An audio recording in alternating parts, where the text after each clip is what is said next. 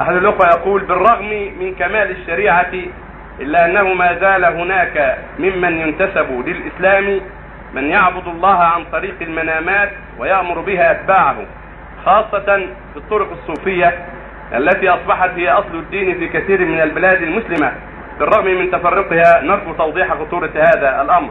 الدين هو التمسك بشرع الله الذي جاء به كتاب الله وسنة رسوله عليه الصلاة والسلام. وليس هناك شرع بعد محمد عليه الصلاة والسلام. فالمنامات ليست تشريعية. المنامات والحكايات عن الماضين وما أشبه ذلك وعن المشايخ كل هذه خرافات لا لا وجه لها ولا يجوز الاعتماد عليها في بيان حلال أو حرام. وإنما الحرام والحلال ما حرمه الله ورسوله وما حرمه الله ورسوله. أما ما يتفعل الصوفية من عبادة الشيوخ وتعظيم الشيوخ وتحليل ما أحلوا وتحريم ما حرموا من غير دليل ولا برهان فهذا ضلال وكفر والعياذ بالله وخروج عن الإسلام نسأل الله العافية. هذا ما يفعله بعضهم.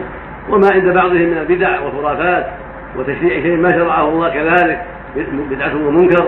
وهكذا ما يفعل بعضهم من عبادة شيخه وتوجه إليه بقلبه يدعوه ويستغيث به وينذر له ويسأله قضاء الحاجات وتفريج الكروب والمدد عند الكروب. هذا كله كفر وضلال سواء كان حيا أو ميتا نسأل الله العافية.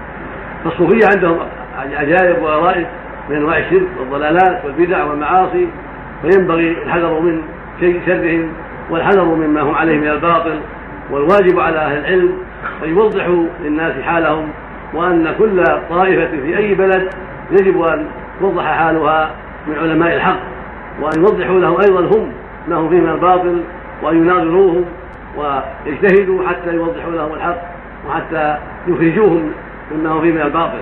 وهذه طوائف كثيرة في الشام وفي العراق وفي إفريقيا وفي مصر وفي بلاد كثيرة. يجب على العلم هناك وعلى كل من استطاع السبيل إلى معرفة ما هم فيه من الباطل بالتفصيل أن يبين باطلهم بالتفصيل.